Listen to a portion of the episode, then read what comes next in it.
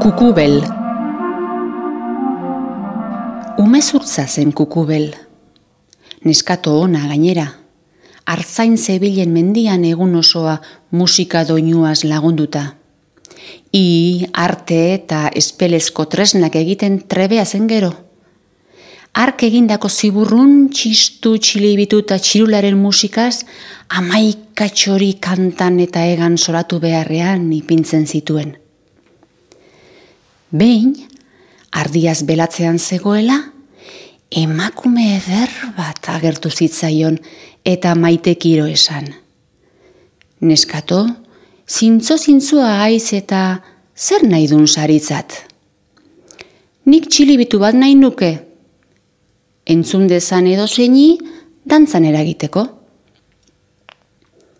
Bere alaxe eskuan tresna txikitxo hori sortu zuen emakume xaharrak pozarren hasi zen kukubel txilibitu jotzen. Eta ardi eta bildots txistuak entzun da, triska eta triska dantzan hasi ziren. Egun hartantxe, beste askotan lez, abadea inguru hartaraxe heldu zen eizara. Ta sasi artean zegoen ostenduta, erbia noiz etorriko. Kukubel zer jaso behar zuen burutan hartu gabe, bere txilibitu berria joten hasi zen.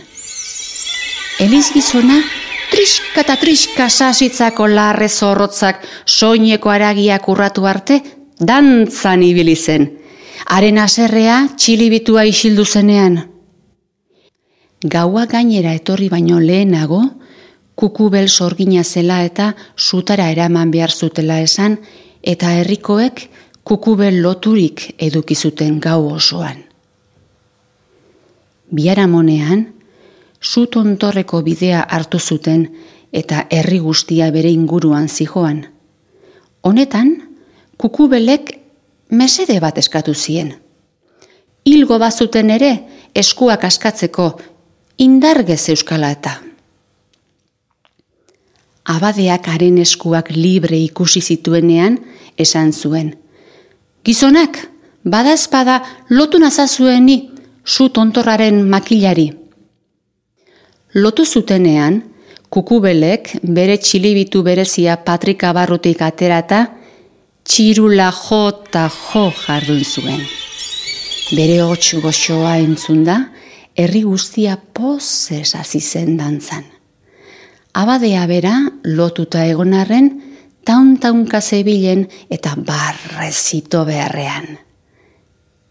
Kukubel, soinu luze zoli eta eztia amaitu zueneko, askatu eta libre utzi zuten.